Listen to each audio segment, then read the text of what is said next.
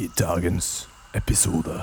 Jeg vil si veldig artig studie fra Karolinska institutt som sa at vi puster inn 300 billioner partikler hver eneste dag. Så hvis vi puster med munnen, så går dette her helt ufiltrert ned i lungene.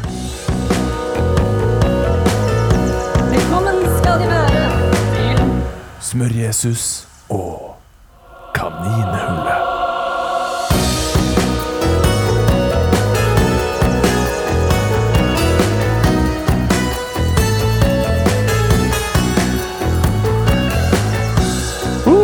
Ok.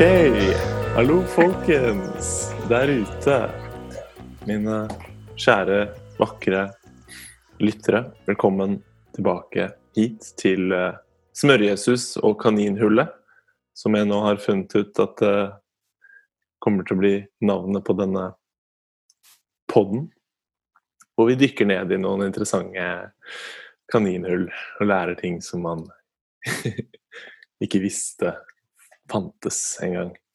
Uh, I dag har jeg med meg en uh, flott gjest som jeg har gledet meg lenge til å snakke med. Jeg har uh, på en måte Hun har blitt brakt opp i mange sammenhenger, uh, blant annet uh, i mitt arbeid um, med denne ammeguiden som jeg driver og jobber med. Jeg vet ikke om jeg har snakket så mye om den, men uh, jeg hadde en podkast med Kristine Western hvor vi snakker mye om amming. Uh, nå I digress, as usual. Uh, Malin Staff, velkommen hit.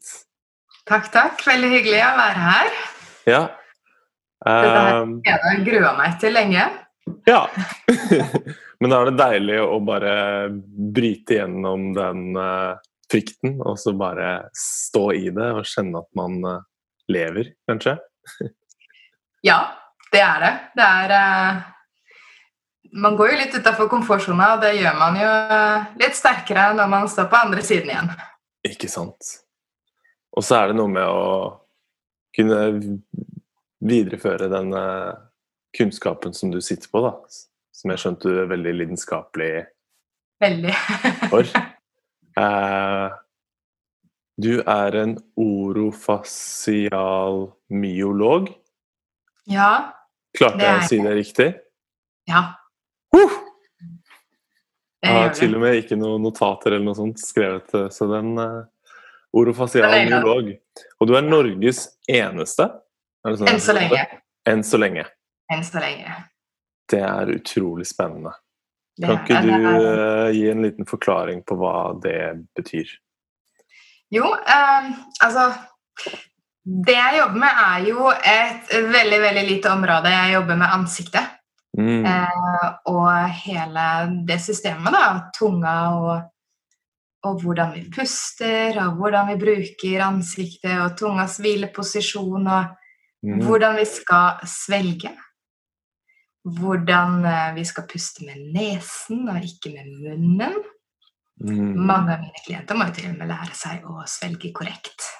Ja. Fordi de dytter gjerne tungen fremover på, på fortennene da, når de svelger. Eller puster mye med munnen.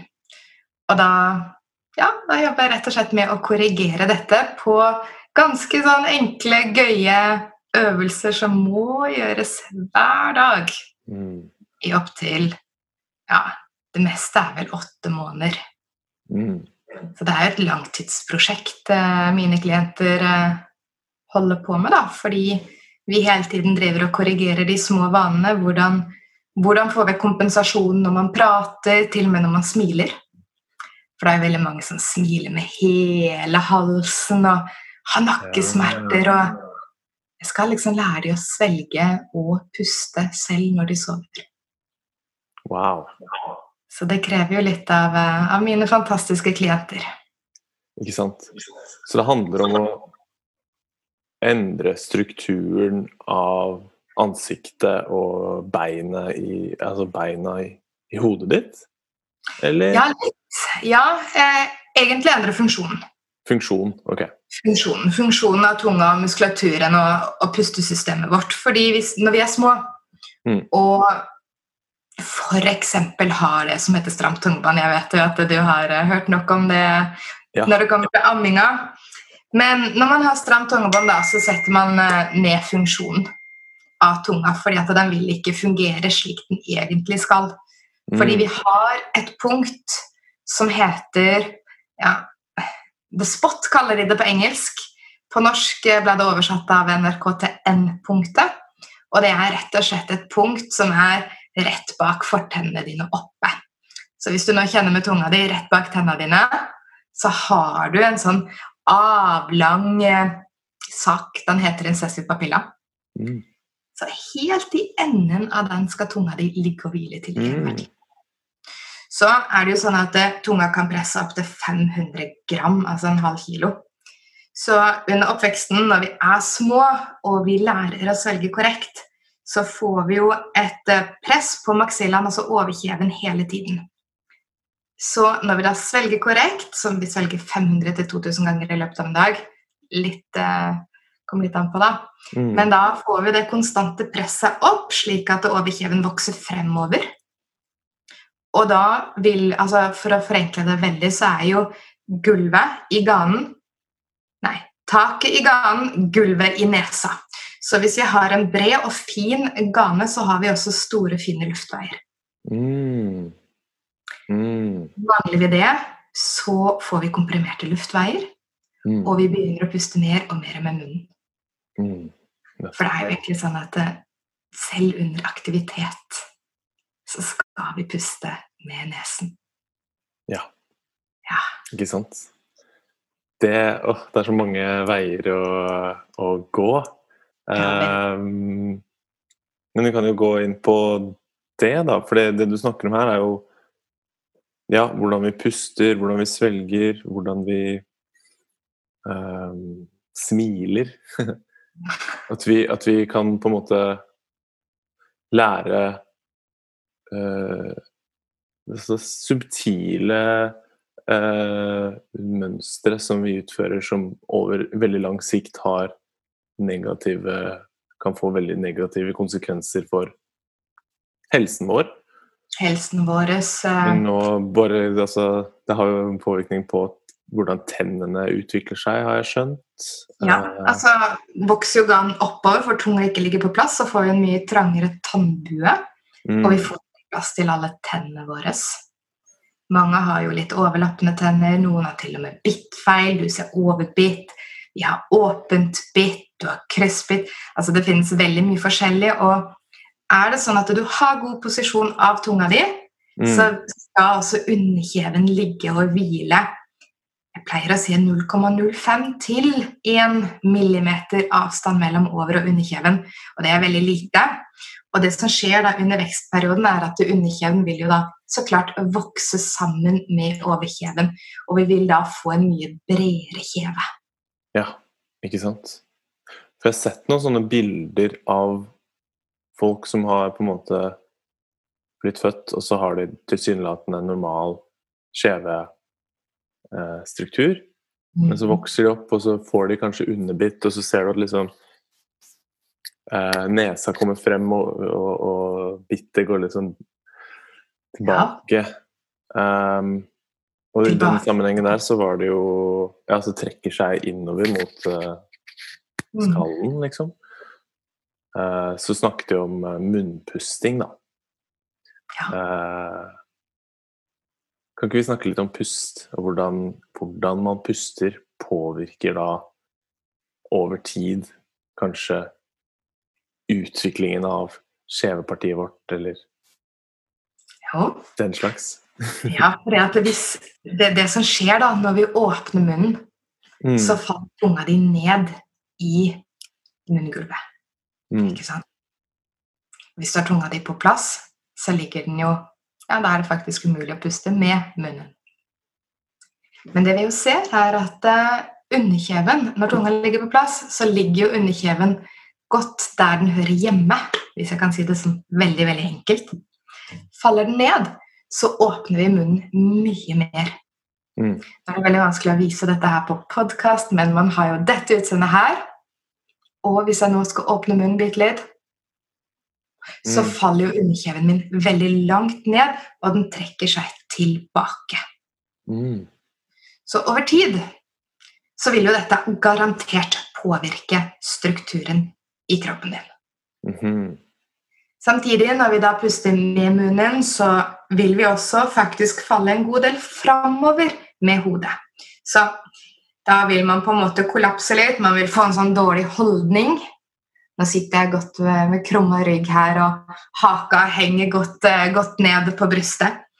Men det er eh, rett og slett eh, fordi at underkjeven får ikke den støtten den får. Og vi, når vi da trekker pusten inn, så begynner vi å puste med brystet.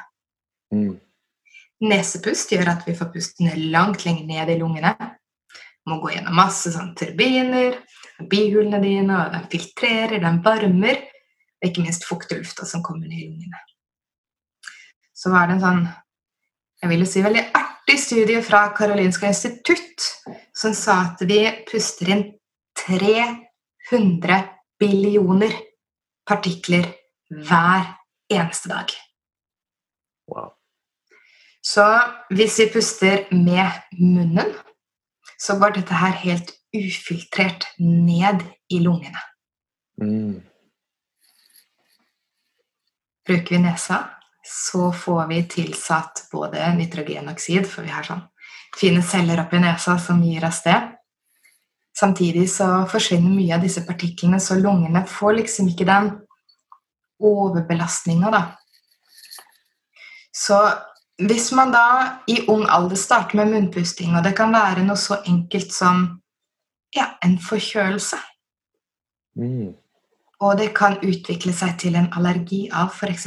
støvmidd, da, fordi at hus, den husstanden hadde veldig mye støvmidd. For det har jo aldri vært et problem. Men det blir et problem for dette barnet når barnet da begynner å puste inn alle disse partiklene gjennom natten. Fordi et barn sover lett 12 eller 10 til 12 timer på natt. Og da er det også sånn at når vi puster ut gjennom munnen, så mister vi er det vel opptil 40% mer fuktighet enn om vi puster med nesa. Så det er ganske mister, mister fuktighet når vi puster ut med munnen. Ja, At vi det Ja. kan dehydreres, da er det det som Ja, ikke helt, men lungene er veldig avhengige av å være litt fuktige. Altså, okay. Vi har jo pleieland som skal Altså, lungene skal utvide seg og trekke seg inn ut ifra sånn som vi puster. Eh, og så har man denne veldig viktige histamin, som er vann, eller, ja, vannregulerende, må jeg egentlig si. mm. Og hvis noen puster med munnen, så vil også kroppen komme i den tilstanden at de tilfører kroppen, eller lungene mer histamin for å kunne holde på fuktigheten. Mm. Så man får en sånn dobbel, dobbeltreaksjon på allergi og munnpusting, og dermed den onde sirkelen. Så det kan være litt vanskelig å komme seg ut av den. Nettopp. Ja, det er mye mer av ja, for jeg, jeg har jo faktisk eh, erfaring, egen erfaring med søvnapne. Ja, ikke sant. Og det er jo også noe jeg har skjønt kommer til mest sannsynligvis som en direkte konsekvens av ja, et eller annet innenfor Ja. dette feltet her. Da. Om det har vært at jeg pusta med munnen, eller om jeg hadde stramt tungebånd, som eh, jeg tror jeg også har, hvis jeg har tatt den testen og prøver å slikke meg på nesa. så kan det se sånn ut. Um, så da For munnpusting er jo noe som da kanskje Kan det komme som en konsekvens av uh, stramt tungebånd? Eller Ja. Ja, og det kan komme av en konsekvens av matallergi.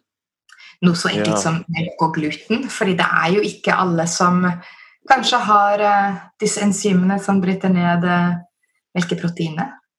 Eller laktosen. Litt sånn diskuterbart akkurat det temaet der. Ja. Men det kan òg komme av ja, rett og slett eh, allergier, vaner, ikke minst vaner. Ser man på ja, mor eller far, da, hvis de puster med munnen, så tar jo barna også etter dette. Fordi det er jo Mm. du tror man skal puste. Så kan det komme litt av uh, sitteposisjonen, også. Nettopp. Og Så- ikke minst smokk og flaske. Yes. Og det kan vi, vi kan snakke om det når vi skal gå inn på stramt eh, tungebånd. Sikkert. Men jeg kan jo bare spørre kjapt om dette med allergier. Hvorfor Så du kan få en allergi. Hvorfor vil det få deg til å puste mer med munnen? Fordi det tetter nesene? Er Det det kan tette nesen, ja, absolutt. Og det Mm. kan gjøre altså, du, har, du har pålagt deg den vanen til å puste med munnen, så da legger du tunga ned. Mm. Du vet liksom ikke helt hvor den hører hjemme. Så selv om du da prøver å lukke munnen, så tar det liksom ikke veldig lang tid før den åpnes igjen. Fordi du har ikke den støtten som tunga egentlig gir, da. Mm. Da er det jo mange som eh, etter lengre perioder får faktisk vondt i kjeven av å ha munnen åpen. Så de får liksom kjeveleddsproblematikken, altså den TND-dysfunksjonen i kjeveleddet. Mm. Eh, og det kan også føre til ansiktssmerter, og da vil man prøve så godt man kan og slappe av i kjeven. Og jeg vet ikke hvor mange ganger jeg har hørt dette her av mine klienter, men det er kiropraktorer, det er yogalærere som sier 'slipp tunga ned' og slapp av. Men det, men det gir ikke noe mening, fordi at det Med en gang munnen åpnes, så, så kommer vi faktisk i en sånn fight and flight-status i kroppen. da, så Eneste gangen vi åpna munnen, når, eh, hvis vi skal gå helt tilbake i tiden eh, til oss mennesker hvor det var eh, ville dyr, Mm. så løp vi for livet, og det var først da vi åpna munnen. Ja. Og det er rett og slett for å komme opp i den derre Kicke kroppen. Komme i fight and flight fordi at vi skal faktisk løpe for livet. Litt sånn gjesping på kvelden også. Da er du egentlig trøtt, men du gjesper, du åpner munnen, du aktiverer det sympatiske nervesystemet for å prøve å holde deg selv våken. Ah. Det er derfor vi gjesper. Ja, en av grunnene. Det er nok ganske mange grunner, men Ja. en annen grunn er jo at munnpusting fører jo til at vi får langt mindre karbondioksid i kroppen. Mm. Fordi altså, hvis vi ser på munnen, så er det et mye større hull enn de to små neseborene vi har. Mm. Og når du puster ut med munnen, så du kan bare prøve å puste ut gjennom munnen, så, så skal det liksom ikke så veldig lang tid før du har tømt lungene dine. Nei. Men hvis du puster med nesa, så tar det mye lengre tid. Altså, du kan jo godt presse på kraften av utpusten din, men det skal vi jo heller ikke. Vi skal jo puste veldig rolig ut. Helt lydløst. Mm. Eh, og da vil det Altså den tiden det tar for oksygenet å diffundere ut fra lungene, alveolene, ikke sant, og karbondioksiden skal henge seg på ut av munnen, den forkortes ganske mye, så vi puster ut altfor mye karbondioksid. Ja. Nettopp. Og nå har du respirasjonssystemet ditt i hjernen nå, som trigges av mengde karbondioksid. Så hvis du over tid har, eh, ja, la oss si, ja, søvnapne, Mm. relatere til, så puster man eh, ofte mye med munnen. Eh, om det er på nattestid, eh, altså sove fem, seks, sju timer på nattestid, og har munnen mye åpen, så mister vi ganske mye karbondioksid ut av munnen. Da lages også en sånn ny normal på, på når pustesentralene skal trigges av mengde karbondioksid. Så med en gang den da begynner å øke, så vil jo kroppen puste igjen. Så hemmeligheten bak mye av det jeg gjør, er jo egentlig å øke mengde karbondioksid i kroppen. Ja. For at du skal kunne puste langt roligere enn det du gjør. Ønskelig er jo en fem til tolv innpust per minutt, men en ca. fire til seks liter luft eller oksygen per minutt. Mm. Når man har astma, så er man oppe i 15 liter per minutt. Ja. Så man har en mye høyere pustefrekvens, og det igjen kan jo være med på å tørke ut. Altså Vi puster med munnen, man blir jo tørr i munnen av å puste, og da kan jo også dette vevet hovne litt opp, og man kan, det kan rett og slett føles å bli trangere i svelget og nedover pusterøret. Mm. Jeg merker, merker jo det hvis jeg våkner opp og har sovet med munnen. At jeg bare er knusktørr Ja. i hele kjeften. Og liksom sår i halsen og ja. ja, og dette her, altså spyttet er jo fantastisk. Ja. Det har jo, eh, fordøyelsen starter jo faktisk i munnhulen på hvordan vi tygger maten. Mm. Og tro det eller ei, vi skal faktisk tygge over 20 ganger før vi svelger maten. Mm. Pleier å si sånn på voksne samme antall ganger som du har tenner, da bør du i hvert fall tygge. Ja. Så er det jo tunga og spyttet vi, altså, vi har jo reseptorer som går opp til hjernen, som får beskjed om hva vi spiser. Hva slags karbohydrater er dette? Og da lage dette spyttet for å bryte ned karbohydratene. For det er jo veldig mange nå til dags som reagerer på karbohydrater. Mm. De får liksom IBS-symptomer, de kan få intoleranser, og veldig ofte så ser vi jo det at det er fordi de tygger jo ikke maten. Nei. Altså Hvis du Ikke går sant. ut på kafé i dag og ser på hvor ofte de putter maten inn i munnen, så er det kanskje fem, fem kanskje ti hvis du er heldig tygg, før de har svelget ned. Ja. Så ja. Så der er vel litt å gå på. Det er litt å gå på der. Ja. Men det er jo i dagens samfunn. Vi skal jo, ting skal skje chop, chop, chop, chop hele tida. Man har ikke tid til å sette seg ned og faktisk ta en pust, men man drar igjen opp telefonen, man sitter på Facebook, man scroller nedover. Og det er jo til og med forskning som sier det. At én, en, man har jo denne like-dopaminresponsen når man får Mm. likes på, på alt dette her, og da føler man seg jo bra. Men man har også den responsen at man holder faktisk pusten i påvente av å få svar. Lese en tekst Oi, det var spennende. Holde litt pusten. Så selv det med å sitte på telefonen kan jo gi litt ugunstig pustemønster, spesielt om man gjør det flere timer om dagen. Jeg har hørt eh, det, det har fått et eller annet navn. En, eller annen sånn e-postpusting eller et eller annet sånt. Hvor du kan liksom sitte og jobbe, og så plutselig så liksom bare Eller at det er en sånn reaksjon, da. Fordi man har sittet og holdt pusten. Eh, u- ubevisst. PC-apne var det jeg lærte at de Ja, Ja. OK. Leseapne. Ja, jeg har, eh, jeg har også gått eh, i kurs hos en som heter Anders Olsson fra Sverige. Mm. Og han, han sa det at man Det er jo et, et pustestopp man har. Et Mm. ubevisst pustestopp man har. Og det kan rett og slett være forskjellige grunner. Men han tenkte jo at mange av de grunnene var jo at man hadde jo overpusta, og kroppen ville veldig gjerne spare opp karbondioksiden igjen, sånn at pustesentralen skulle trigges. Mm. Mange mener også at det har litt med at det er litt spennende, så da holder man pusten i påvente av hva som skal skje. Men da når det skjer flere ganger i løpet av en time, da, Mm. så er ikke det veldig godt. Nei. Og når det skjer også da hver dag i mange uker, i måneder I måneder. Altså, jeg har hatt, jeg har hatt mobiltelefon siden jeg var 15, og nå er jeg 36. Ja.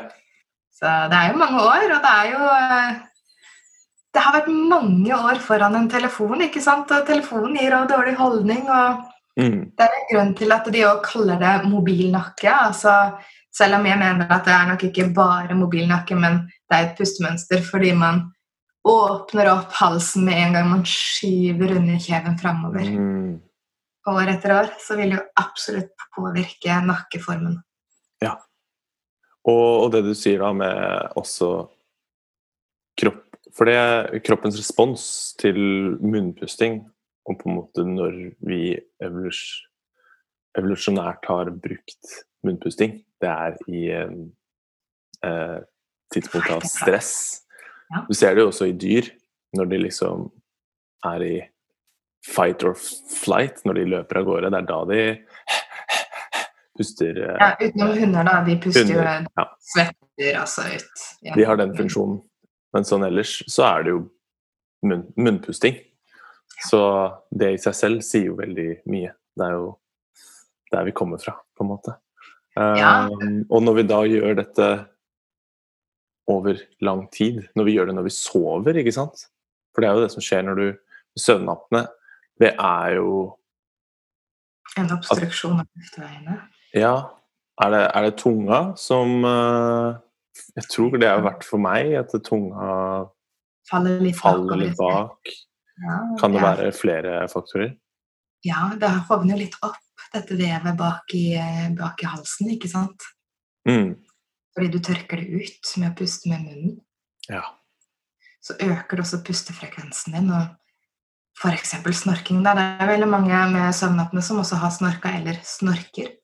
Mm. Snorking er jo et rent produkt av at du puster rett og slett for mye. ja.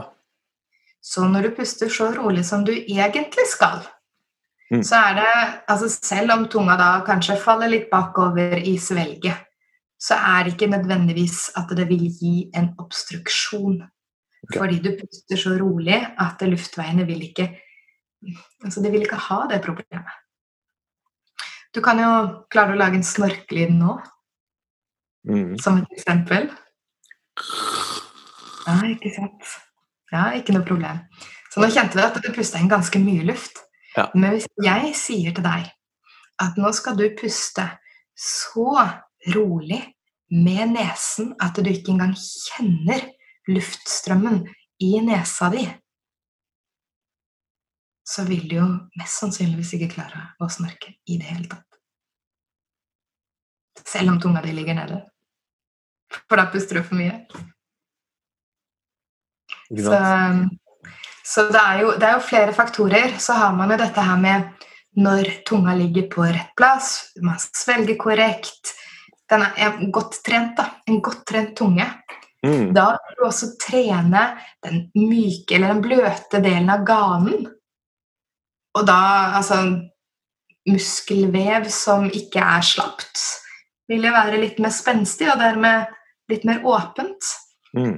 Og det er jo nettopp det OMFT også jobber med, altså styrke muskulaturen i hele det orofasiale komplekset.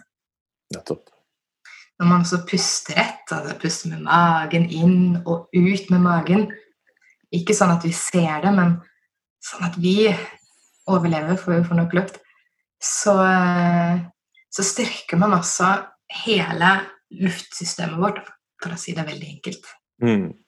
Ut i det. Og sånn som jeg merka nå når du ba meg puste rolig inn, eh, hvor ekstremt avslappende det er, da. Ja. Eh, så dette med, igjen, nervesystemet, hvordan vi faktisk kan bruke pusten til å både altså aktivere det sympatiske fire or flight og deaktivere det, eller aktivere det Ja. parasympatiske, da. Mhm. Direkte bare pustemønsteret vårt. Og hvordan vi puster, og om vi puster med munnen eller om nesa, og lange, sakte drag. Um, det er et veldig, veldig nyttig verktøy som jeg bruker med mine klienter, som de får utrolig mye ut av. Bare hvis du, er, hvis du merker at stresset kommer, sett deg ned i fem minutter og pust med nesa. eh, Seks innpust, seks utpust. Eh, så klarer man å komme seg tilbake til den mer balanserte tilstanden, da. Hvor Ja. man eh, ja, ikke er stressa. Eh, for det er noe med at det er stress også hemmer våre dømme, ja. dømmekraft og vår evne til å kanskje si Altså være oss selv, da. Ja. Eh, tørre å si ifra òg. Liksom, altså, jeg er et veldig godt eksempel på både det med stramt tungebånd, på dette med orofasiale problemer, med pusteproblemer. mm, Og det er nok også derfor jeg er så veldig lidenskapelig opptatt av det. Fordi altså, jeg, jeg har virkelig kjent det på kroppen hvordan det er. Mm, Og det er jo det er ikke så veldig hyggelig å gå rundt og føle seg konstant litt sånn småstress og sånn high-pitched. Noen ville sikkert kalt meg litt sånn oversensitiv også. mm. Du blir veldig reaktiv fort. Eller mer reaktiv, i hvert fall. I en stressende jeg. Oh. Ja. Ja. Og eh, veldig Altså Nei, hele, hele min person har nok også vært veldig prega av at jeg har, eh, har vært den fight and flight-perfeksjonisten som eh, når jeg gjør noe, så gjør jeg det 100 og samtidig så er den eh, konsentrasjonen litt sånn på flere steder på én gang, og det å sjonglere mellom alle disse tingene på én gang, det er også Mm. ganske krevende. Men Mm. i og med at du er i den fight and flighten hele tiden, så, så takler du det. Mm. Men før eller siden så vil man uh, møte veggen. Ja. Så det Det gjorde jo jeg. Ja. Så eh, det var jo uh, også barnet mitt, uh, min eldste, som fikk meg til å starte med dette. Og det var jo først da jeg skjønte omfanget av dette lille ansiktskomplekset, hvor viktig det er. Ja, kan ikke du si litt om ja, den, hvordan denne lidenskapen for dette ganske sånn nisjete feltet oppsto? Nei, det starta Altså, jeg var, jeg var ganske godt trent før jeg hadde jobba som personlig trener i mange år. Jeg elska å trene, jeg løp, jeg sykla. Jeg styrke, eller styrketrening var jo min lidenskap. Jeg skulle løfte Mm. tyngst. Så ble jeg gravid. Så, og da må jeg bare si at kostholdet mitt det var jo først litt sånn der eh, Jeg skulle en gang stille i fitness, jeg er veldig glad jeg aldri kom så langt. Men eh, Ja. det besto av litt mye dietter, og jeg fulgte jo eh, retningslinjene på lite salt selv så mye som jeg trente. Så ble jeg gravid. Ja. Og jeg gikk så sinnssykt opp i vekt. Jeg gikk fra å veie 60 til han da var ute på sykehuset, til 120. Og når jeg satte akupunkturnålet, så datt jo bare altså, Vannet rant ut av meg, og jeg svetta jo i flere måneder. Og det starta med noe så enkelt som at jeg selv måtte finne ut av hvorfor har jeg disse helseproblemene, jeg som egentlig er så sunn. Mm. Og én, jeg fant ut at det bunna i mye saltmangler, og så kom jeg inn litt på sånn vitamin B-mangel. Jeg hadde jo tatt folsyre, men eh, nå viser det seg jo at ikke alle tåler folsyre, men må ha noe enten helt naturlig mat Mm. med folat i, eller metylfolat, eller lignende. Og da kom man inn på litt det med midtlinjedefekter. Jeg leste litt om det var ja, stramt leppebånd, stramt tungebånd. Det hadde de jo klippa på sykehuset, så det var jo ikke et problem. Amminga var jo fortsatt forferdelig, men jeg holdt nå ut. Jeg hadde jo en veldig alternativ mor som eh, sa at amming var best, da. Og vi hadde jo fått smokk på sykehuset, vi må ikke glemme denne smokken. Men eh, så skrev, skrev jeg på en sånn ammegruppe. Jeg lurer på om det var Kristine Westøl som faktisk hadde startet den ammegruppen. Ja. Så la jeg med at jeg tror sønnen min har stramt leppebånd.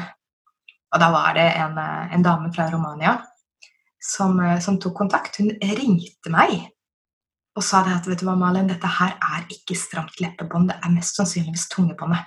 Så ga hun meg en sånn ganske god forklaring, og jeg bare wow!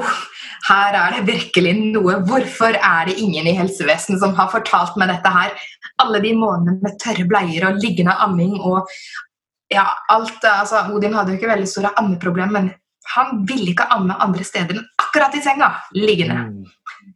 Så eh, flotte mannen min, han eh, blei med meg første fly ned til London, klippa tungebåndet hos en eh, dr. Malcolm Levenkind, en tannlege. Oi. Og det var jo uten tvil stramt, og han tok både leppebåndet og tungebåndet. Og han sa til meg du må slutte med smokken. Og så bør du gå to stupat. Og jeg, født og oppvokst med en alternativ mor, tenkte da at himmel og hav. Smokk, det er jo så altså Hadde det vært noe gærent med denne smokken, så hadde de jo ikke solgt den. Akkurat som barnematen. er det ikke noe gærent med barnematen? Nei, da Ja, ikke sant? Så oppretta jeg en sånn støttegruppe for eh, stramt tungebånd, fordi jeg tenkte her må informasjonen ut. Mm.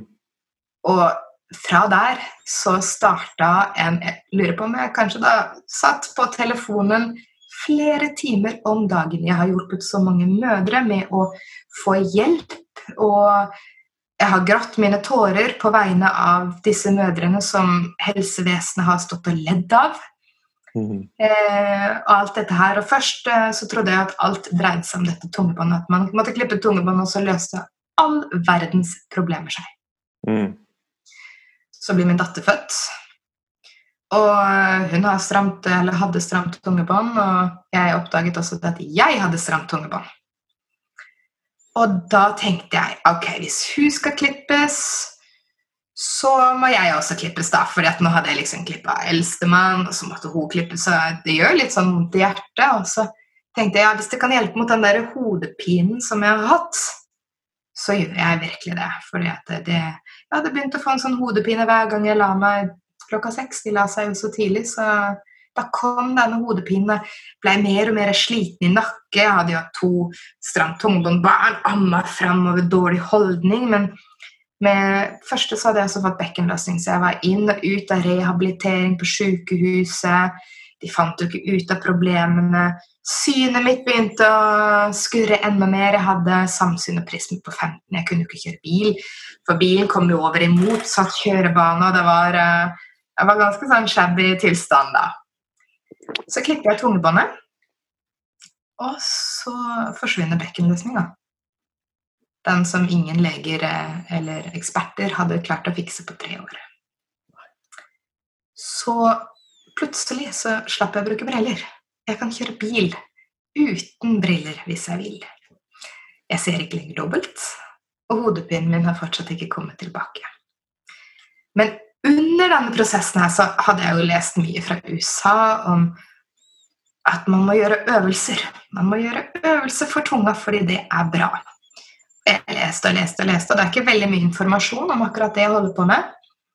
Eh, så da fant jeg ut at det handler jo ikke om øvelsen. Øvelsen altså At du beveger på tunga hit og dit og fram og tilbake og bak og fram, spiller ingen rolle. Til syvende og sist så er det hvordan du bruker muskulaturen din hvordan du bruker tunga di, og hvordan funksjonen er. Mm. Og uh, nå er det jo sånn at jeg, eh, jeg har jo et uh, Jeg må jo si et, kalle det et samarbeid med en lege i Oslo. Hun heter Anette Resch.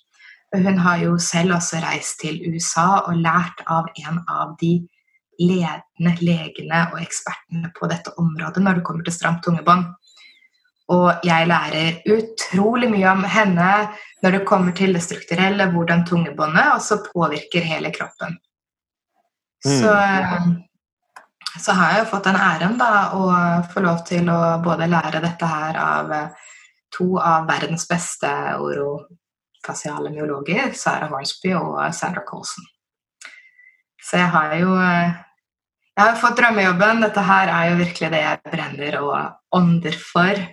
Eh, samtidig som jeg eh, får utløp for den personen jeg er, som hele tiden ønsker å hjelpe andre. Ja. Så det var, en, fint. eh, Veldig fin historie. det var en lang historie. ja. Det var kort versjon. Um, ikke sant? Det er veldig ja, Det er så spennende med sånne felt som på en måte dukker opp, og som det ser ut til at ingen ingen har snøring på.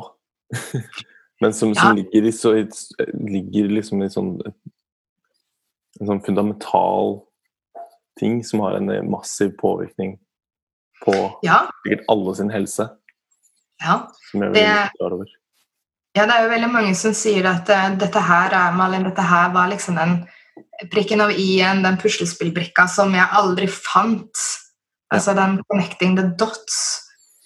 Og en av grunnene til at jeg liker dette her, er at jeg har alltid vært veldig opptatt av det naturlige. Mm. Eh, og da Altså, nå jobber jeg jo med kroppen, jeg jobber med kroppens funksjoner. Jeg tilføyer ikke noe som vi ikke har. Altså, litt sånn som å ikke spise prosessert mat. Altså, de fleste vet jo egentlig at det ikke er det, er, det gagner ikke kroppen på noen som helst måte. Altså, vi, vi jobber med det mest grunnleggende i vår natur, og det er å puste. Ja. Og spise. Ikke sant? Det, apropos det, ser man noe sammenheng med disse tingene og hvordan kosthold er eh, involvert? Er det Det gjør mm. man. Jeg, er, eh, jeg har eh, faktisk flere klienter hvis de hører på den her, så vet de jo De vil jo skjønne med en gang at det er det er dem jeg prater om. Mm. Men jeg prater jo jeg prater høyt og lavt. Jeg stopper jo aldri å prate, føler jeg. Men eh, i og med at dette stramme tungebåndet også kommer opp med om Siden det er midtlinjedefekt, så tenker veldig mange folat eller folsyre. Mm. Og jeg har liksom ikke veldig lite problem med å fortelle dem det at eh, folsyre, det som blir anbefalt av det norske helsevesenet, dessverre er ikke for alle. Eh, det er jo veldig lite norsk forskning på dette med MTHFR. Mm. Eh, og hvordan det påvirker kroppen. De, jeg vet at de tar den testen hvis et, eh, en kvinne har veldig mange spontanaborter. Da kan det sjekkes på sykehuset. Det du snakker om, er MTHFR, som er en mutasjon i et gen som gjør det mulig for kroppen å eh, metabolisere folsyre. Folat. Folat. Folsyre. Ja. Så hvis man har en, eh, en mutasjon, da, så er det jo ikke alle som vil kunne ta opp folsyre og omgjøre dette her til noe kroppen kan bruke. Nei, altså omgjøre folsyre til folat, ikke sant. Ja. Så de mangler det enzymet som trengs for å omdanne. Og da er det litt morsomt, for noen av disse klientene her har jeg da anbefalt metylfolat. Jeg har liksom sagt at altså, jeg har nevnt det, jeg har gitt dem all informasjonen de trenger, sånn at de kan lese seg opp. Jeg, jeg kan jo ikke anbefale noe på, på denne måten, da, men jeg gir dem disse tipsene, og de barna har virkelig ikke blitt født med stramt tungebånd. Mm. Noen av de har til og med vært hos uh, Anette Resch, og hun har sagt at uh, her er det ikke noe å glippe. Det er Nei. ikke stramt. Her er det god bevegelighet. Så, så det, er jo, det er jo håp, det er det. Men så har man også den delen hvor det faktisk er dominant arvelig. Ja. Så det er jo en sånn en Hele tiden for og imot hva Er det høna eller er det egget? Hva er hva? Er det bare mat? Men altså, man sier da at epigenetikken den kan endres. Man kan faktisk gjøre veldig mye med å spise rett mat. Ja. Så har man dette veldig veldig spennende her. Det er en sånn forskningsartikkel som også sier det at apoptosen eh, Mm. kan også bli påvirka av mengde nitrogenoksid du har i blodet. Og Det vil si apoptose er da celledød. Eh, Ja. selv, selvprogrammert celledød som selv Ja. Setter i gang fordi ah, Ja, det kan vel være mange grunner, da. Men den, den fordi det er nødvendig. Fordi det er nødvendig. Fordi den Ja, ikke og det- ønsker å påføre, påføre mer skade på uh, miljøet rundt. Ikke nødvendigvis, men uh, også dette med fingrene jo Du har jo eh, litt sånn flaskehender når det blir, ligger i mors liv da, i begynnelsen, og så får du en sånn apoptose mellom uh, sånn, hver finger, sånn at du får alle disse ti fingrene. Og det samme skjer under tunga. Ok. Fordi det er jo egentlig bare først et, eh, to, to celler, en spermcelle og en eggcelle, og så deler disse her seg, og så formerer de seg. Mm, Og så kommer denne tunga, da. mm, Når kroppen da blir delt i to, så skal man også dele deler av eh, dette vevet under tunga. Og da er det hvis man ikke har tilstrekkelig med vitamin B eller folat, da, hvis jeg Ja. sier det på den B9, så vil, vil ikke kroppen nødvendigvis kunne gjøre den prosessen fullstendig, og vil dermed måtte gå videre, fordi at alt dette her har en sånn tidsbegrensning. ja. Men det vil også være faktisk litt bestemt av eh, mengde karbon, nei, nitrogenoksid du har i kroppen. Mm, Og man vet jo at veldig mange kvinner får også eh, gravidrelaterte søvnapne eller snorking. Jeg husker meg selv, himmelhav. mm. Man sa det at Malin, du snorker så høyt. Og jeg pusta med munnen. Det var jo det jeg trodde de skulle. Ja. Eh, Så det er jo mange, det er mange faktorer som spiller inn, men, men vi ser det jo gang på gang på gang at spiller man på lag med naturen, Mm. så man, har man den muligheten til å kunne endre oss til det bedre. Ja. Og det får man ikke av smokk.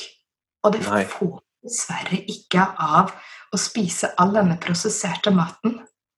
Eller puste med munnen. Eller sitte stille i alle disse timene. Mm. Så da, vi, la oss gå mer inn på kanskje stramt tungebånd og smokk, flaske. Jeg tenker også sikkert Det snakket han James Nestor om, som har skrevet Ja. en fin bok ja. som kom i år, om Ja. Breathe. Breathe. en journalist som har dykket veldig mye ned i pust. Og Nei, han Anders Olsson jeg har også vært hos og prata med og lært eh, veldig mye av det jeg holder på med, som er nevnt i boka til James. Å ja, kult. Ja, ja. Han snakker jo også om det man ser eh, utviklingen av skjeven vår, og hvordan den har blitt krympa. At vi Mm. hadde mye større skjever før. Og at det mest sannsynlig kommer av at vi begynte å spise mer eh, bløt mat. Mm.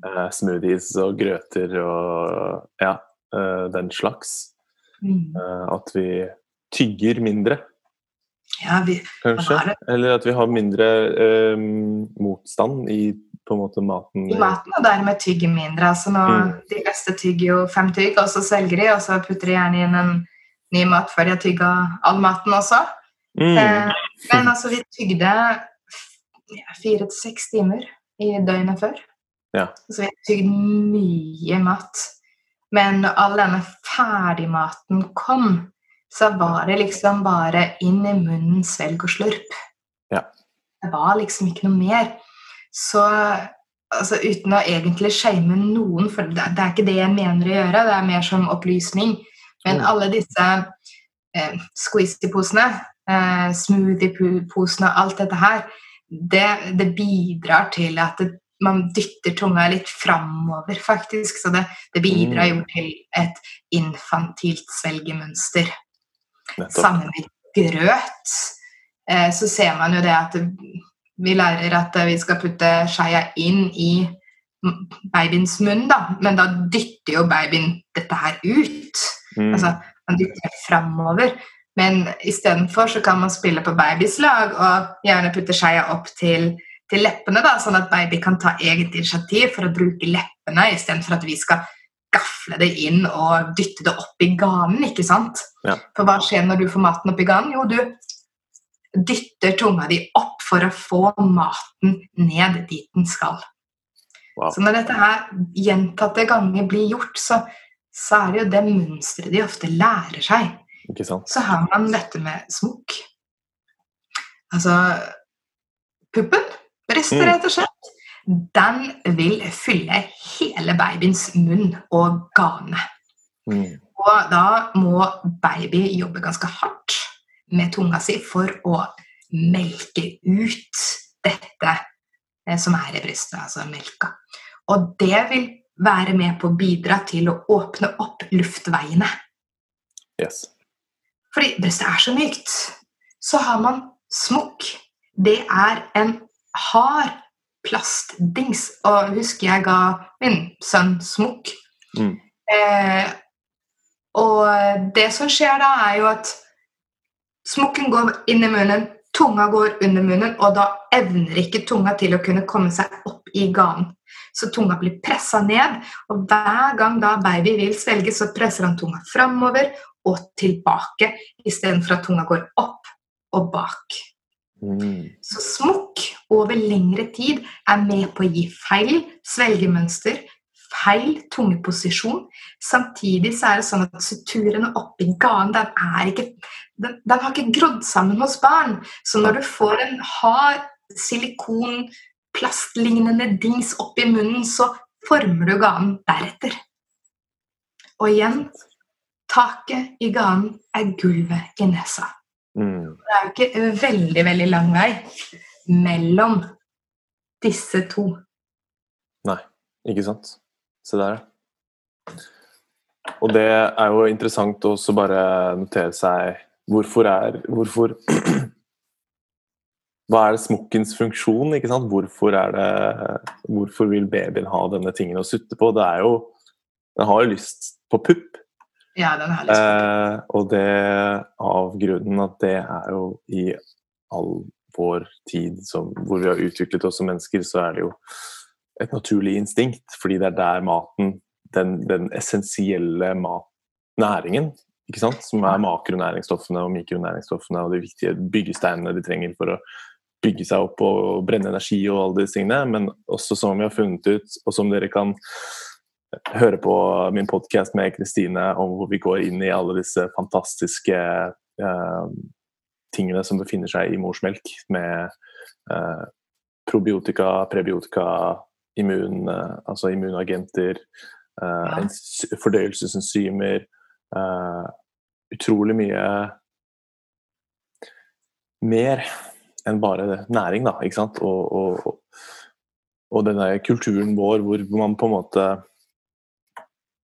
Ja, det er kanskje et år som er anbefalt, sånn ish, og så kan man på en måte velge litt eh, Ja. ut ifra hva man selv ønsker, om man ønsker å gjøre seg fri fra amming, eller, eller det er mange faktorer her også, da, dette med at eh, kanskje flaskemating og smokk også kan være med på å eh, bremse melkeproduksjon, flaskemating med tanke på at du Ofte det å suge melk ut av en flaske er veldig mye lettere. Det skjer eh, altså det Mindre motstand. Ja, så da vil du også igjen bruke kinnene mer. Du ser jo eh, ofte forskjell på flaskebarn og morsmelkbarn. Mm. Og de, flaskebarn har veldig ofte mye større kinn og Ja, Ikke sant? ekstra ah, haka. Ja, må nesten si det på den måten, da. Men det er rett og slett fordi at muskulaturen blir ikke brukt slik den skal. Nei.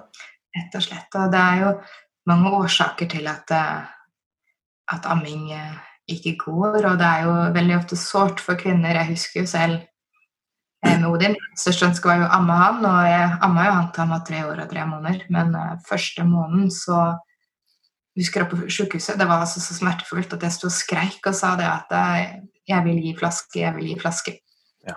Det var altså så vondt. Men jeg er jo veldig sta, så jeg pumpa og jeg pumpa og jeg pumpa og jeg amma og amma. og Brystvortene trodde jeg nesten skulle falle av eh, en periode.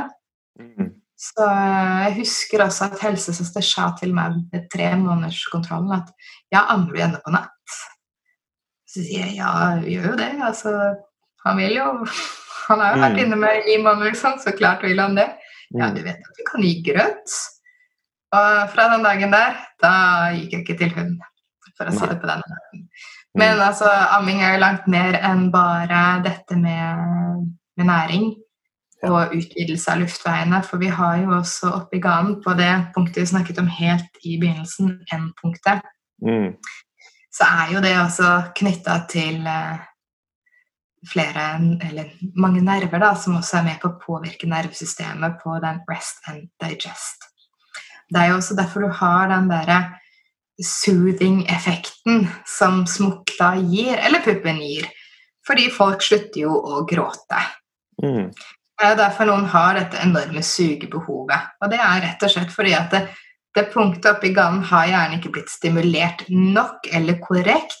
Og det er ofte altså, Vi hører veldig ofte det at barna har et veldig sterkt sugebehov. Og det vil være i noe så enkelt som regulering av eh, humør. Eller følelser, ikke minst. Altså, for, for små barn som kommer rett ut av mors liv etter ni måneder. De har hørt mor hele tiden, de har blitt påvirka av hennes hormoner. Når baby sin munn treffer brystvorta, så vil også den derre connection mellom produksjon av melk og babys tunge settes i gang. Det har jo sikkert Kristina prata om. Mm. Så det baby trenger, vil mor produsere. Om det er hormoner eller om det er antibodies, altså hvis det er noen bakterier i eh, antistoffer i kroppen. Mm. De har jo også gjort forskning på det at ammer du en eh, guttebaby og en jentebaby, så vil den guttebabypuppen være langt mer full av testosteron enn jentebabypuppen. Wow. Så, så det er jo det er så store forskjeller. Og da når du Når helsevesenet da gjerne ofte sier at stramt tungebånd er ingenting fordi du får til amminga, eller du kan stikke tunga ut av munnen, så, så er det så mange mødre som syns det er så sårt at de ikke får til å amme, og da er det jo ekstra sårt igjen å høre de negative fordelene med morsmelkerstatning, flaske og smokk. Ja. Så man tar det som en sånn shaming uten at det, vi som brenner for amming, mener det. Fordi vi ønsker bare å opplyse og få informasjonen ut til folket. Ja. Fordi da kan de få hjelp. De kan gå til de rette personene få dette tungebåndet skikkelig undersøkt. Mm. Og få hjelp til amming. Så Det er, det er så veldig viktig. Utrolig viktig. Eh, Det er jo en midtlinjedefekt, faktisk. det er en Midtlinjedefekt. Ja. Det skjer jo midt i midtlinjen her, så, så det er en defekt i, i vårt system. Så, så det er jo å få klippa det og få, få gjort noe med det når det går utover eh, det mest essensielle i de første leveårene. Ja. Eller levemånedene, må man si, da. Hadde det vært eh, back in the days, da, som vi prata om eh, i evolusjonen her, så, så hadde jo ikke dette barnet da overlevd. Det hadde jo rett og slett dødd av ernæringsmangler og ikke noe mat og væske i det hele tatt. Så da hadde jo ikke den kunnet bringe dette videre. Så nettopp naturlig seleksjon er jo også sånn sett en viktig del av, av mennesket, selv om vi naturlig nok også prøver å redde alle som vi kan. Men så er det jo viktig å se på, på den delen også. Yes. Og der er- kan vi gå ned i et skikkelig filosofisk eh, kaninhull med hvordan vi ja, jobber med å på en måte skille oss fra naturens på en måte Ja. uh, Det gjør vi jo eh, Prinsipper. mer og mer og mer. Ja. mm. Og det er jo uh, Og hvor redde vi er for noen av dem, da. Sånn som, sånn som det, det, det du snakker om der, på en måte. Ja. Innse at ja, det er Hvis man ikke hadde blitt født med rette Eller hvis man hadde blitt født med visse defekter, så var det bare høy sannsynlighet for at man døde. Og at det var en veldig en, en vanlig ting. Ja, det var helt vanlig før. Eh, Ja. Det var jo også vanlig å Jeg er jo et uh, keisersnittbarn. Mm. Og uh, altså, vi mennesker uh, skal jo bli født med nesa ned mot eh, mot eh, anus, rett og slett for å få alle disse bakteriene som er gunstige og en veldig stor del av uh, vår tarmflora i, eh, i oss. Så det er jo eh, altså det er, Vi har beveget oss ganske langt vekk fra, fra naturen, hvis vi skal se på den måten. Og det, Mm. det syns jeg også er litt skremmende.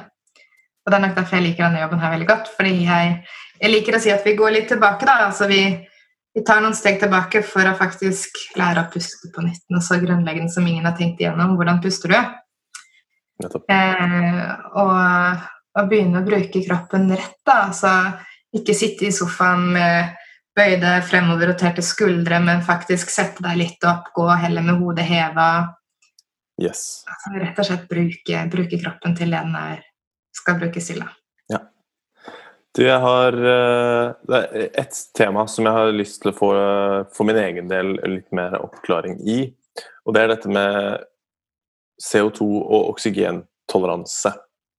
Og, og det å bygge opp den, og påvirkningen det har på kroppen, men òg eh, eh, hvordan Altså kroppens evne til å faktisk bruke oksygenet. For det er jo en sånn interessant ting når man snakker om Man kan tenke at munnpusting, ikke sant. Og at når man puster med munnen, når man trener f.eks., så er det for å fylle kroppen med mer oksygen.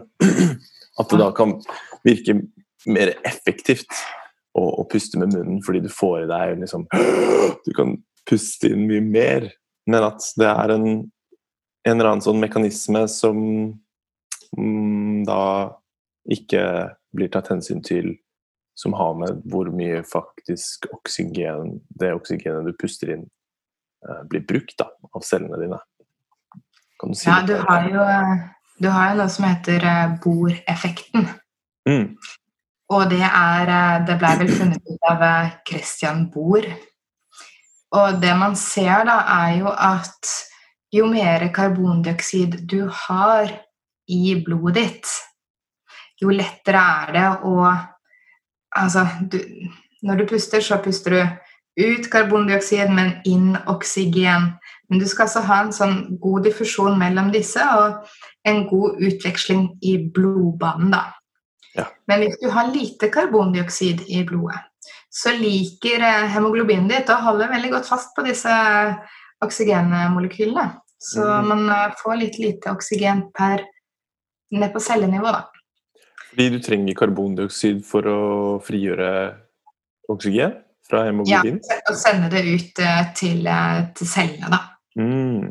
Det er jo også en eh, altså utvid, altså Når du har mye karbondioksid også, så vil du jo få en utvidelse av blodårene. Mm. Du Mm. vil jo øke oksygennivået ditt på cellenivå. Altså det vil jo til og med hjelpe til å Nesten sånn antioksidant, uten at jeg skal kalle det det, men det vil jo være med på å fjerne frie radikaler eh, av kroppen din. Ja. Så regulerer jo også pH-en i blodet ditt når du har eh, god mengde med karbondioksid. Ja.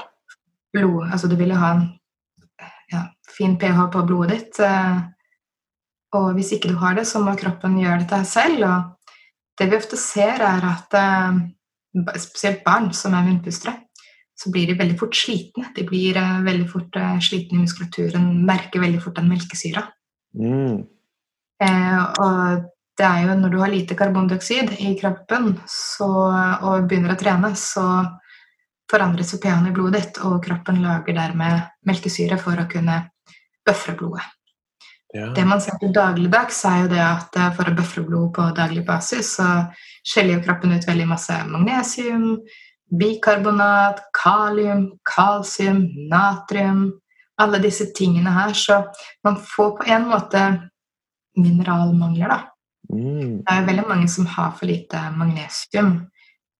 Ja. Men hvis kroppen da hele tiden må få dette her ut for å bøffe blodet ditt, så, så er ikke det veldig greit heller. For det utviser rett ut. Nettopp. Så kroppen din kompenserer Ja. på, med denne Er det en karbondioksidmangel? Ja. Som ved å skille ut mineraler fra lagrene sine. Ja. For å bøffere blodet, altså vil jeg si øke pH-verdi, eller? Nei. Ja, altså blodet ditt vil jo ha en nøytral pH-verdi. Mm. Ikke sant? Og det er den veldig avhengig av, hvis ikke så vil hele kroppen stoppe opp. Mm. Så vi ønsker jo å få den mest mulig nøytral. Ja. Og når du puster inn mye oksygen, så kan dette gjøre pH-verdien mer eh, syrete, eller basisk? Ja. Og det er, eh, altså Kroppen prøver jo hele tiden å, å gjøre det beste ut, ut av den. da. Og Ja. vi mennesker er jo fantastiske til å kompensere, og vi kan kompensere i flere år uten at vi egentlig blir plaga. Men det er først når plagene kommer, så kommer de. Og da kommer de gjerne på som perler på en snor. Mm. Så, eh, og da, altså allerede da når problemene har kommet, så har vi jo sett at det egentlig har gått for langt. Og det er jo det å plukke opp disse tingene før det faktisk er, er et problem, da. Mm. Og munnpusting er faktisk et, et stort problem. Ja.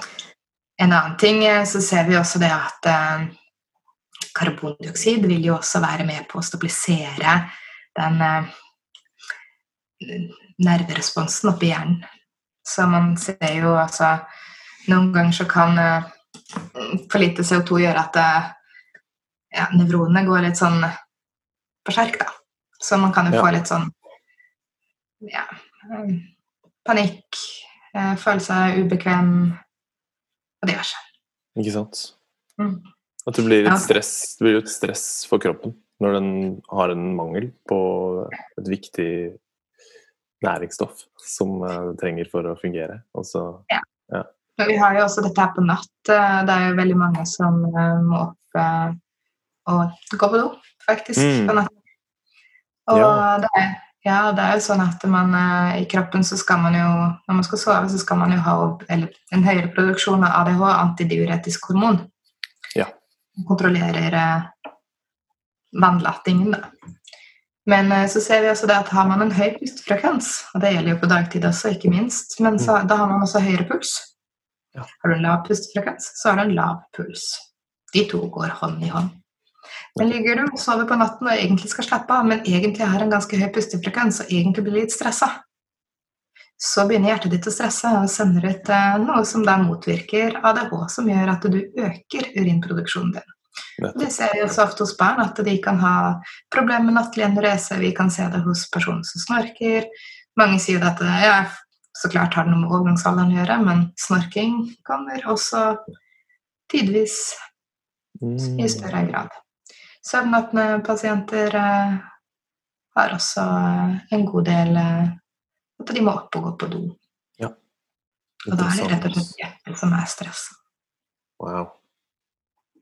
Trolig Kanskje ja, Det kan være stress av mange årsaker, men potensielt av en karbondioksidmangel? Ja. Eller pustemønster, puste for mye, ikke sant. Så, så alt, henger jo, alt henger jo virkelig sammen. Det er, ikke sant, For det kan være flere, flere påvirkninger det har. Ja. Uh, Mm. uh, jeg har lyst til å For det her Vi kan si kjapt. Det er flere ting jeg har lyst til å snakke om. Eh, jeg har lyst til å snakke om eh, For det, det her, det her passer kanskje med det du nettopp sa, men jeg sa at du har korrelert eh, altså sengevæting hos yngre til eh, nettopp dette, da. Mhm. Det er av den, da den kanskje Er det den funksjonen som skjer der, med regulering av ADH? Eller er det noe Ja. mer? Det kan også være at de puster for mye med brystet. Så Forskning viser også det at når man får, eh, får kontroll over pusten, når man faktisk får det til å roe ned, så stresser ikke kroppen heller. Og man får liksom den magepusten som man ønsker. altså Når du puster med magen, med diafragmaen din, så skal jo på innpusten så skal magen din gå ut. Og da går diafragmaen din ned. Ja. Så man får hele tiden en sånn indre massasje av tarmene, av alle de indre organene. altså Til og med hjertet går jo til og med litt lenger ned. Mm, Så alt, alt i kroppen påvirkes jo av pusten. Puster du ikke, så dør du, dør du også, forresten. Hvis ikke det er sånn. Ja. Eh, Men da har man den derre Altså, massasje er jo bevegelse, og det er jo godt for ethvert indre organ også. Mm. Men også for tarmene, ikke minst. Og det er jo også veldig mange som, som har hatt eller har forstoppelse. Altså Tarmene virker ikke helt, og det er rett og slett fordi de puster jo bare opp i brystet. Det er liksom ikke noe bevegelse i magen. Selv om tarmene skal ha en sånn naturlig bevegelse selv, så, så trenger den jo også den derre gode hjelpen fra diafragmaen. Så man ser jo også det at når man får til magepust, så er det mange forstoppelser som også forsvinner. Men eh, dermed også når tarmene ikke Eller når tarmene får tømt seg, da, så har man ikke det presset på urinblæra hele tiden. Og altså Når man har vært forstoppa, så, så kan man ha uhell både her og både der. Mm, Fordi man merker ikke at man må på det ene eller eller det andre. ikke sant? Så det kan være vanskelig å avgjøre om må jeg egentlig tisse eller må jeg egentlig bæsje. mm. Så, så det er jo det å få tømt, få tømt systemet sitt, rett og slett. Ja. Kult. Uh, jeg har lyst til å også lære litt mer. Igjen. Er men det er sikkert mange godt å lære av. Men uh, jeg har hørt mye snakk om nitrogenoksid. Okay. Eh, som en eh, et, Ja Et fritt radikal, er det, er det sånn jeg har forstått at det blir kategorisert? Men som har en rekke viktige positive funksjoner tanke på vår helse. Ja, det er et eh, signalmolekyl. Ja. Og eh, det er veldig, veldig viktig for det kardiovaskulære systemet ditt også. En vas, vas, vasodilator, altså en, Ja, altså, den utvider, utvider blodårene dine, og altså, den, den får opp eh, blodflowen da, til, eh, Mm. til alle, alle organene. Det er viktig. altså. Vi må, vi må ha oksygen ut til alle, alle organene. Det er altså antiinflamatorisk. Eh, så det er jo med på å eh, Til og med du kan drepe bakterier med nitrogenoksid, og det passer veldig godt til disse covid-19-tidene. Ja, Nesten. Det vil hjelpe. Ja, og så ser man også at det har en antiinflamatorisk eh, effekt på, eh, på arteriene. Okay. Det har jo også karbondioksid, så sammen med masse karbondioksid så kan man løse plakk Ja. i blodårene, og man får nitrogenoksid som er med på å dilatere og Mm. utvide blodårene, så, så mange eh, kan jo slippe å havne på sykehus av det. Mm. Man eh, kan jo også dermed få vekk eh, ja, tilstoppa blodårer, så man, eh, man blir liksom eh, fri for den delen der. Ja. Eh, altså, den tar jo virus, den tar parasitter. Så bare det lille her av nitrogenoksid er jo ganske, ganske viktig. Og den spiller jo også en del i, i respirasjonssystemet. Og en annen ting er Ja, det er jo veldig mange som bruker Viagra. Mm. Men uh, når man har en god, god mengde nitrogenoksid i kroppen, så sier de også at uh, den skal forberede den erektile funksjonen. Ja. Du kan også få bedre læring og evne til å forstå og skjønne og huske når du har større mengde karbondioksid. Og det ser vi jo igjen på, på barn som ofte puster med munnen. Mm. er jo at, eh, og forskning sier også at 70% av disse her eh, Ikke studier gjort i Norge, da, så klart. Eh, veldig lite forskning på dette i Norge. Men 70% av disse med ADHD har respirasjonsforstyrra søvn. Ja. Og det kommer ofte også av munnpusting, da. Så man ser også en, sånn en, en god link mellom ADHD-lignende symptomer og nedsatt læringsevne, da. Ja. Det er jo også altså Mouth breather er jo et uh, skjellsord som uh, gammelt skjellsord om en som ikke er helt 100% i topplokket sitt. Så det er jo en interessant eh, Det er det. Men eh, så har man jo, eh, jo også altså Nitrogenoksid kan også være med på, eh, på å hjelpe fordøyelsessystemet med å regulere sekresjon av enzymer og hormoner. Ja, Så ikke det er sant.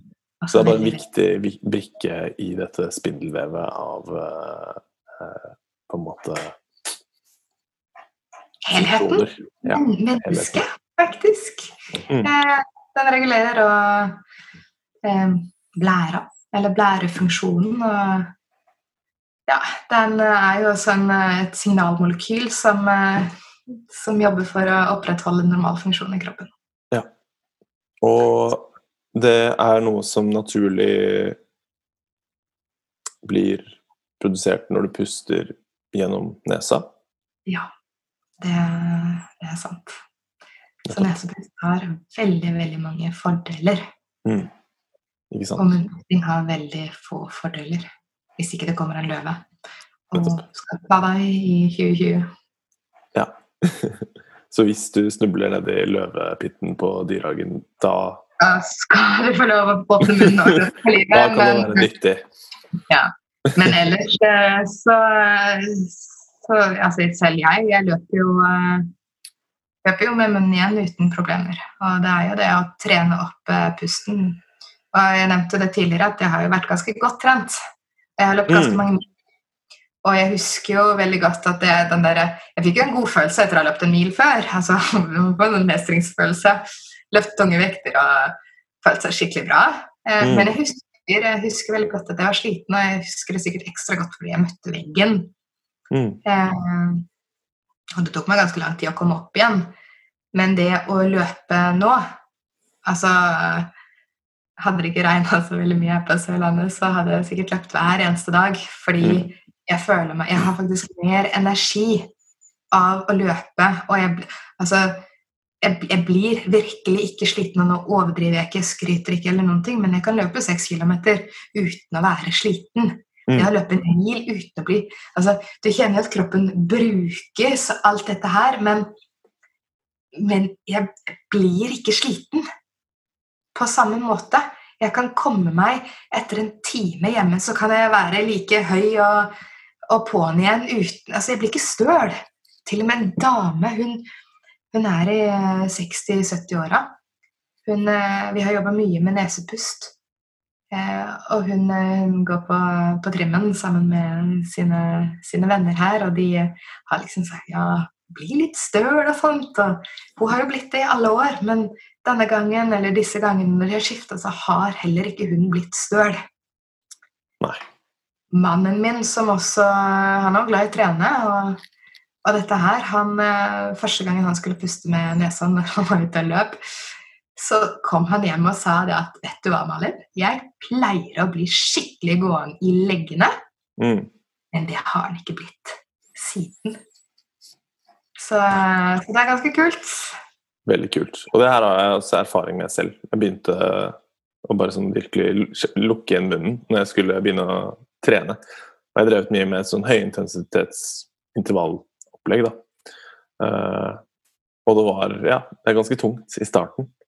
Ja. Men nå er det Nå går det som en drøm, og jeg har en mye, mye sterkere utholdenhet.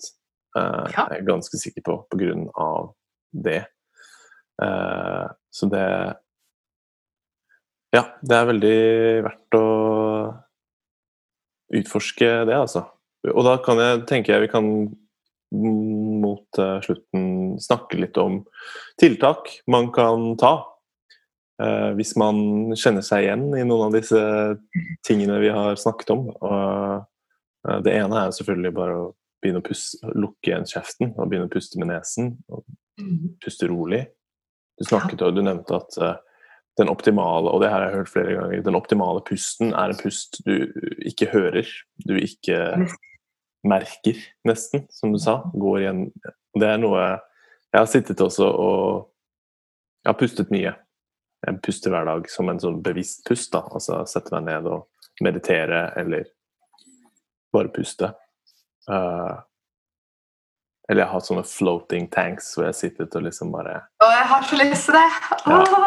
Der, eh, der kan man sitte og bare prøve å puste så sakte. Jeg, jeg tror jeg hadde en sånn to innpust i minuttet. Liksom bare 15 sekunder inn og 15 sekunder ut, kanskje. Ja, det er bra. Det er Og prøve veldig, å ikke, ikke lage noe lyd, da. Og ikke, du skal jo ikke se heller på magen at du puster da. Skal Nei. være så bitte liten bevegelse. Ja, ok. Så du skal, ikke, du skal ikke blåse opp magen heller? Nei, Ok, det ikke synes. Så, og det enkleste er jo det å begynne å bruke magen. Og bevegelsen pleier jeg ikke å bry meg veldig mye om i begynnelsen, men etter hvert når personen har fått til magepust og ikke syns at det er et problem For det er mange som puster med magen her og beveger brystet opp og ned. Jeg ser det jo veldig ofte på skuldrene. Ja. Men det er liksom dette her med å, å først få til magepusten, først mestre dette. Mm. Så kommer man til å skal mestre det med å redusere pusten. Og jeg pleier veldig ofte å sammenligne det litt som med at eh, hvis en person har ti måltider per dag, og vi tar vekk syv av disse, så vil denne personen garantert kjenne på sult en stund. Og det samme går for pusten, for hvis vi puster opp til 20 liter eh, per minutt, og jeg ønsker at vi skal puste 4 liter per minutt, så vil det jo en liten sånn periode kjennes ut som jeg holder på å ta livet av noen, fordi jeg holder jo tilbake. Og det er mange som, føler, eller som sier at jeg får ikke nok luftmaling, jeg føler at jeg ikke får nok oksygen. Men det er rett og slett oppbygginga av karbondioksid. Det er svært sjeldent eh, med disse enkle pusteøvelsene at man ser at eh, oksygennivået i blod faller, da. Så det handler jo hele tiden om å, om å holde tilbake, og så klart ikke for mye, for da blir det ubehagelig. Men det er det å finne den derre fine grensen altså På engelsk så kaller de det air hunger. Jeg finner Mm. ikke et godt norsk navn for det.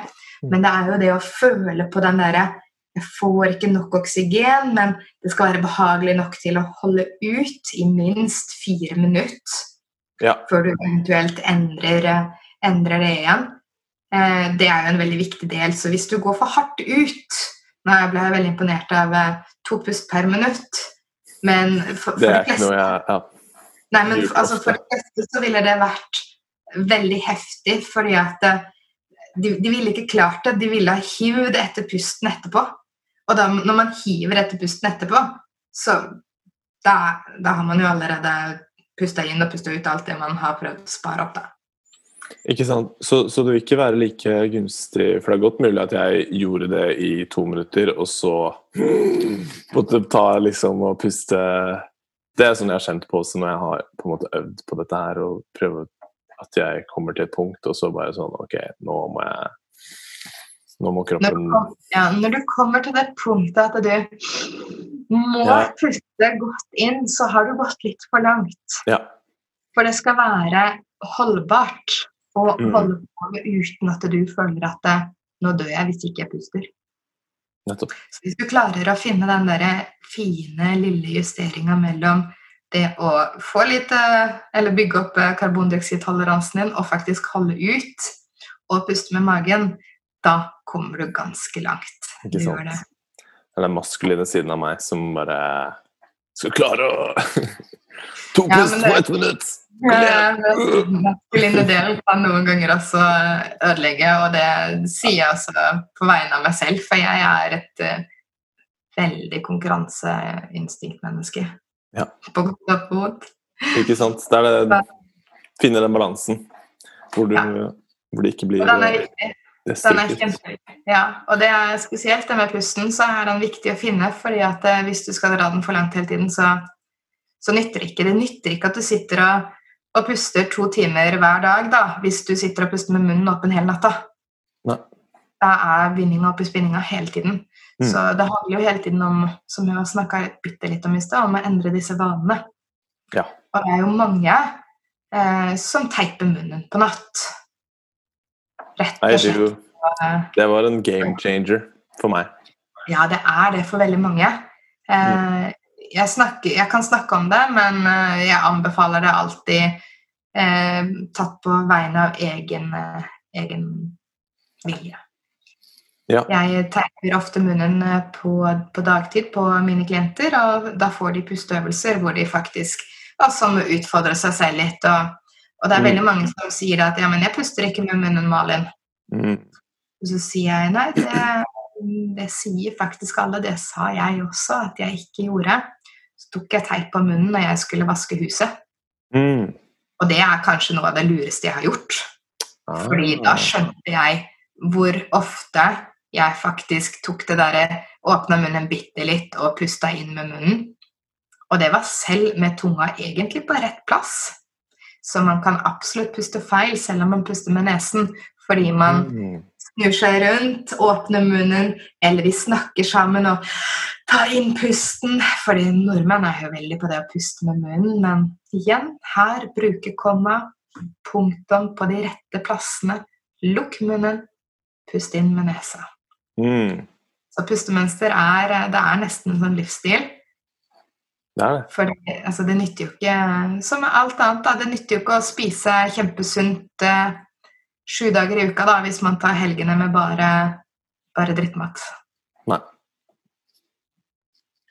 Nettopp. Og um, så det Så dette her er noe som over tid vil også lære deg hvordan å sove med Altså At søvnapne At det kan løsne opp i søvnapne? Ja, forskning viser jo det at ved mild til moderat søvnapne så kan det absolutt eh, ha en kjempegod effekt, og mange blir jo kvitt eh, CPAP-en og apneskinna. Mm. Eh, og det er jo det, det må alltid gjøres i råd med, samme, eller med lege, da, søvn, søvnlege, om, om det er ønskelig at de fjerner den fordi at de har fått, uh, fått gode resultater. Mm. Men jeg har jo også klienter som har gått fra Jeg bruker ofte en sånn app som heter Snore Lab, som faktisk okay. Tar opp, eh, tar opp søvnen din og snorkeskåren din. Og vi har folk som har eh, hatt snore score på over eh, 115, som har gått ned til 1 og 0. Ja.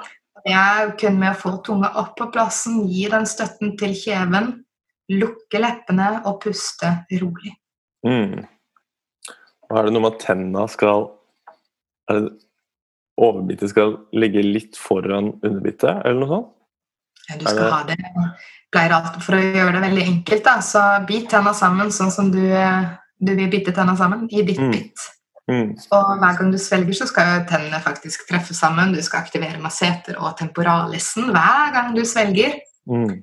Så tanne, tannoverflatene vil jo ha den den kontakten hele tiden. Og da under vekst så vil jo så klart underkjeven vokse sammen med overkjeven.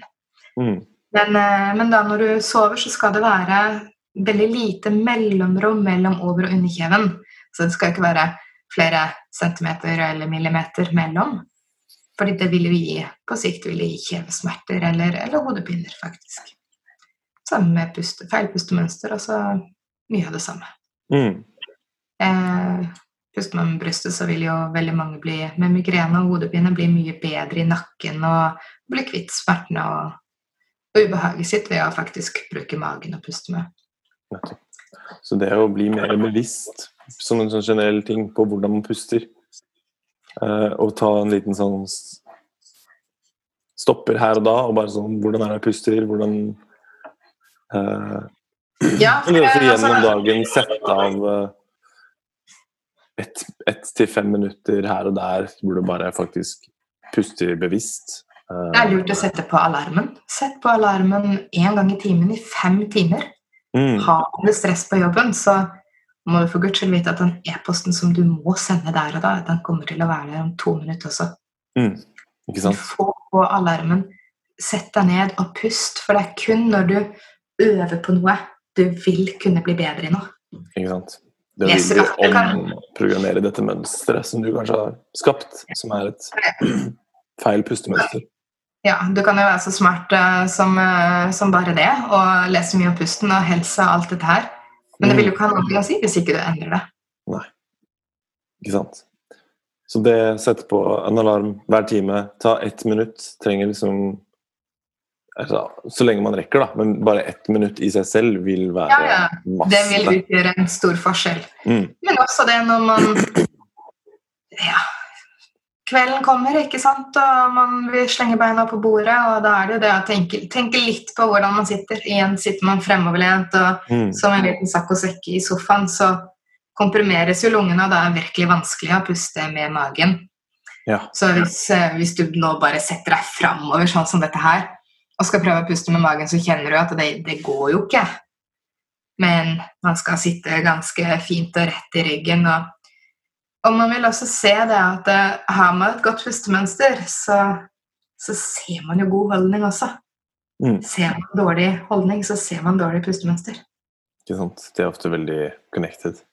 Ja, går Mm. man tilbake i tid, eh, altså går man la oss si 200 år tilbake i tid, da, så så vi jo ingen som satt og spiste med munnen åpen. Vi satt, så ingen som satt og hang over middagsbordet og Ja, så jo ikke så svært få med, med dårlig holdning. Mm. Og det, det har rett og slett noe med at vi, vi setter oss opp, og vi går med rett rygg, og da, da har vi en mye bedre utholdenhet. Og vi føler oss bedre, ikke minst. Ikke sant? Spennende.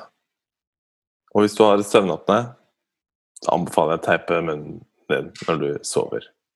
Ja, det er din anbefaling. Ok. Du Min anbefaler anbefaling- ikke Nei, min anbefaling er alltid å bruke CPAP-maskin. Få okay. tatt en ordentlig registrering. Ta veloverveide valg. Mhm. Eh, noen teiper jo munnen og bruker neseputer, altså at lufta kommer inn gjennom nesa. Mhm. Eh, men akkurat eh, søvnapné kan være veldig alvorlig, så, så her velger jeg å følge legenes råd og heller eh, guide de gjennom trygge, trygge ting. Men når det kommer til søvnattene, så er det jo også veldig viktig å, å få trent opp eh, muskulaturen og tonusen i tunga, ikke minst. fordi får du en trent tunge igjen, så vil den faktisk kunne minske i størrelse, og den vil ikke ligge så mye i veien. Nei. Så det er veldig, veldig viktig. Der er jeg nøye. Ja, ja, men det er nok eh, veldig bra. Spennende. Du, nå har det gått halvannen time. Det har gått. Det gikk jo, syns jeg var gikk jo kjempefint, det, Malin. Ja. Nervøsiteten gikk fort over. Ja, det er noe med det når man får bare kommet i gang. Så det er den tilstedeværelsen som man, man uh, faller inn i, som gjør at uh, alle disse nervøse tankene får en Jeg liten skulle pause. sikkert litt, uh, litt før, vet du, men Mm, ja. ikke sant? Sitter med et veldig spennende prosjekt, så Så det er litt travelt på jobb. Ja. Spennende. Jeg tror vi runder av der, jeg. Ja. Og sier takk for at du vil komme hit og dele denne kjempeinteressante kunnskapen. Jeg ble veldig glad når du spør. Ja, så bra. Og så kommer jeg til å bare linke til alt av informasjon med hvordan folk kan nå deg. Hvis folk er eh, interessert i å jobbe med disse tingene. Tusen takk. Og så sier vi bare ha det godt. Ha det bra. Så får du ha en god dag. Takk for det. I likeså. All right. Smør-Jesus signing off.